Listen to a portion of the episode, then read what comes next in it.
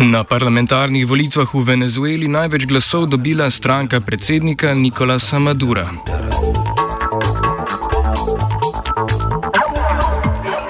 Parlamentarne volitve tudi v Romuniji in Kuwaitu.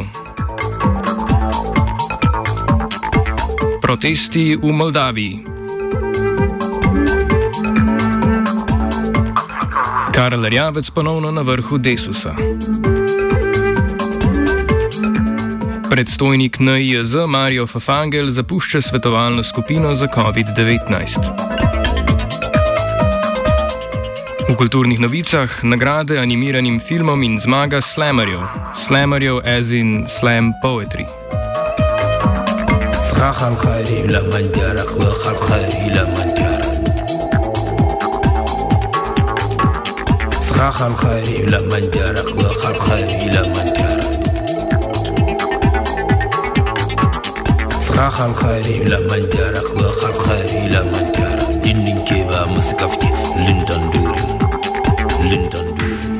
Venezueli so potekale parlamentarne volitve, na katerih je po poročanjih oblasti z 68 odstotki glasov največ sedežev v parlamentu dobila Združena socialistična stranka Venezuele predsednika Nikolasa Madura s svojimi zaveznicami.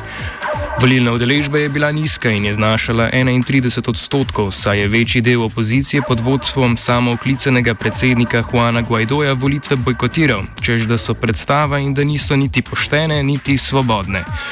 Glavni opozicijski predstavniki torej sploh niso bili med kandidati na glasovnicah, teh je bilo sicer okoli 14 tisoč, prihajali pa so iz več kot stotih strank. Potegovali so se za mesto v razširjeni narodni skupščini z 227 sedeži, ki je veljala še za zadnjo državotvorno telo pod nadzorom opozicije. Ravno s podporo parlamenta se je lani Guaido kot njegov voditelj razglasil za predsednika in s tem izval predsedovanje Madura, ki ga obtožuje goljufije na predsedniških volitvah leta 2018. Dejansko vlogo parlamenta je Maduro sicer popolnoma izničil. To je pred tremi leti storil z vzpostavitvijo ustavo, ustavodajne skupščine. Ta je dobila vso zakonodajno moč, ki je prej pripadala Narodni skupščini. Poleg tega lahko odločitve parlamente razveljavlja tudi vrhovno sodišče, zvesto predsedniku.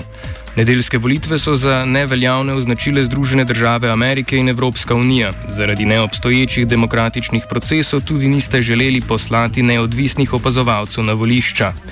Guaido z opozicijo zdaj načrtuje en teden trajajoč plebiscit, s katerim naj bi državljani potrdili veljavnost trenutne sestave parlamenta, dokler ne bi prišlo do transparentnih volitev.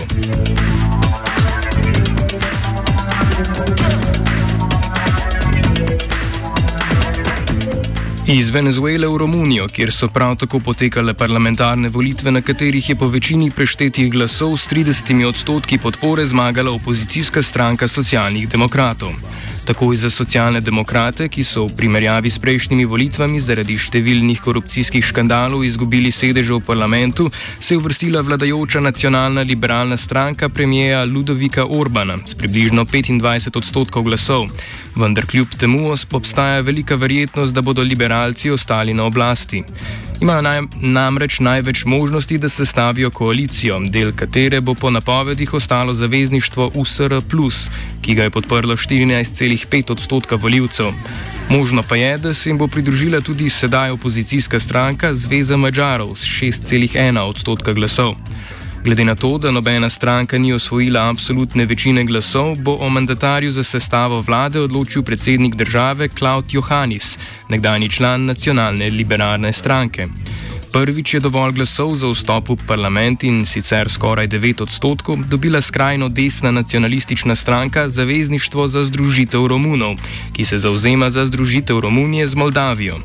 Volitve sta zaznamovali rekordno nizka 33-odstotna udeležba in seveda epidemija, s katero se za zdaj vladajoči liberalci niso soočali uspešno.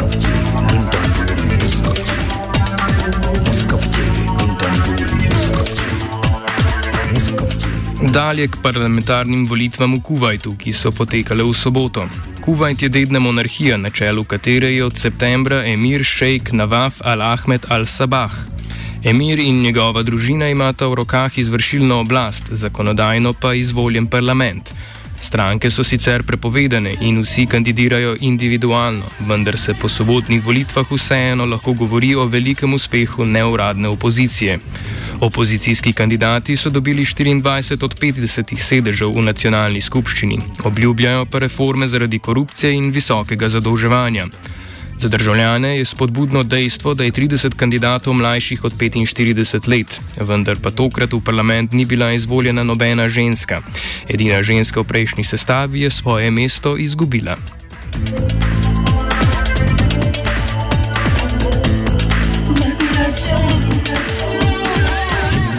V glavnem mestu Moldavije, Kišinjev, se je na nedeljskih protestih zbralo vsaj 20 tisoč ljudi. Protestniki so zahtevali odstop vlade in razrešitev parlamenta ter predčasne volitve, s čimer so upoštevali pozive novo izvoljene predsednice države Maje Sandu. Sandu, ki je kandidirala proti aktualnemu proruskemu predsedniku Igorju Dodonu, je bila nekoliko presenetljivo izvoljena v drugem krogu volitev. V svoji kampanji se je zauzemala za reforme, s katerimi bi Moldavijo približala Evropski uniji. Za uresničitev svojih obljub bi potrebovala podporo parlamenta, v katerem imajo večino še vedno proruske stranke in ki trenutno želi precej omejiti manevrski prostor predsednice. Pretekli teden so v parlamentu izglasovali zakon, s katerim se bo nadzor državne obveščevalne službe z predsednika države prenesel na parlament, v katerem ima pomemben vpliv poraženi predsedniški kandidat Igor Dodon. Trenutni predsednik vlade Ion Čiku naj bi bil sicer neodvisen, vendar je glede na njegovo postopanje postalo očitno, da zastopa interese socialistične stranke, ki jo vodi Dodon. Protestniki poleg odstopa vlade in ponovnih volitev zahtevajo tudi, da Sandu zaprišeže kot predsednica že 10. decembra in ne šele dva tedna pozneje, ko se Dodonu izteče mandat. Oba, če bom odgovoril na angliški. Slovenija bo poskušala pomagati. Slovenija bo naredila svoj utmost, da bo rekla, da je situacija naš problem, naš sebe. In bomo naredili nadaljnje korake, as soon as the conditions are. Bomo vlado Marjana Cererera Šarca podprli. Very, very serious. From Slovenija. We know how and we will. Na izrednem dopisnem volilnem kongresu stranke Desus, ki je potekal od 20. novembra, so delegati s 146 glasovi za predsednika stranke izvolili nekdanjega vodjo Karla Erjavca. Njegov protikandidat Srečko Felix Krope je dobil 71 glasov. Erjavec tako prevzema položaj Aleksandre Pivec, zaradi katere je izgubil svoje mesto na januarskem kongresu stranke. Tokratni kongres je za podpredsednike izvolil Ireno Majcen, Antona Balažeka in Brigito Čokl. Erjavec, ki se vrača v politično sfero, se je danes že sestal z vodstvom stranke in sicer glede nadaljnega delovanja Desusa v ali izven koalicije Jane Zajanše. Na današnji tiskovni konferenci je povedal, da bo v kratkem sklical tudi izvršni odbor stranke in napovedal nadaljne pogovore s poslansko skupino. Zase pa je dejal, da kot minister nima namena sodelovati v vladi Jane Zajanše. Želim vas tudi seznaniti, da kot predsednik stranke ne nameravam sodelovati v vladi uh, Jana Zajanše. Uh, to sem mu tudi povedal na pogovoru, ko me je povabil na uh, pogovor, še ko sem bil kandidat za uh, predsednika stranke. Uh, ne želim pa sodelovati v vladi, zato ker sem že to enkrat javno povedal. Mislim, da je bilo to leta 2018, jaz sem dvakrat sodeloval v teh vladah in si ne želim tretjič sodelovati. Uh, kot rečeno, jaz nisem prišel nazaj v politiko zato, da bi bil ponovno uh, minister ali karkoli, ampak prišel sem predvsem zato, ker želim, da bo stranka Desus še naprej parlamentarna stranka. Naslednje leto praznujemo 30. Uh, obletnico in zlasti tudi zato, ker mislim, da bi bilo škoda, da upokojenci in drugi ne bi imeli v državnem zboru svojega uh, zastopnika. Kaj več o tem, kako namerava Desus pod njegovim vodstvom v koaliciji postopati, ni povedal. Izpostavil je samo nadaljne sodelovanje med poslansko skupino in stranko, ter da ne more govoriti o tem, kako bodo poslanci stranke v državnem zboru glasovali. Danes bo ministr za infrastrukturo Jrnej Vrtovec med obiskom v Združenih državah Amerike podpisal memorandum o razumevanju glede strateškega civilnega jedrskega sodelovanja med Slovenijo in Združenimi državami. Memorandum naj bi služil kot spodbujevalnik za dodatno sodelovanje pri prenosu znanj in izkušenj na področju energetike. Podpis po besedah vlade torej ne pomeni podlage konkretnemu poslu za dobavo tehnologije za morebitni drugi blok nuklearne elektrarne Krško, ki ga je vlada uvrstila na seznam pomembnih strateških projektov.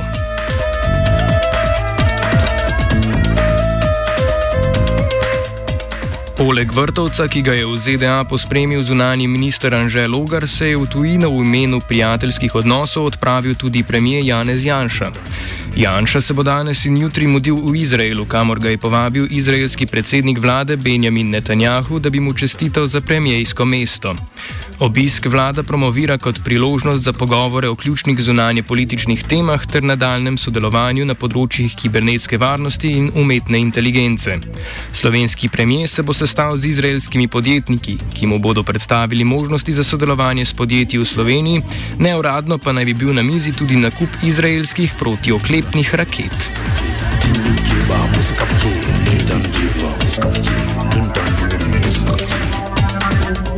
Medtem ko slovenska delegacija v tujini potrjuje svojo naklonjenost Ameriki in prijateljem, je predstojnik Centra za nalezljive bolezni Nacionalnega inštituta za javno zdravje Mario Fafangel sporočil, da zapušča svetovalno skupino za COVID-19 v okviru Ministrstva za zdravje. O vzrokih za odločitev Fafangel javno ne bo govoril. Ministr Tomaš Gantar, ki je bil o odhodu in razlogih za njo obveščen, je danes povedal, da se bo svetovalna skupina spremenila in da bo vanjo ponovno povabil Fafangla.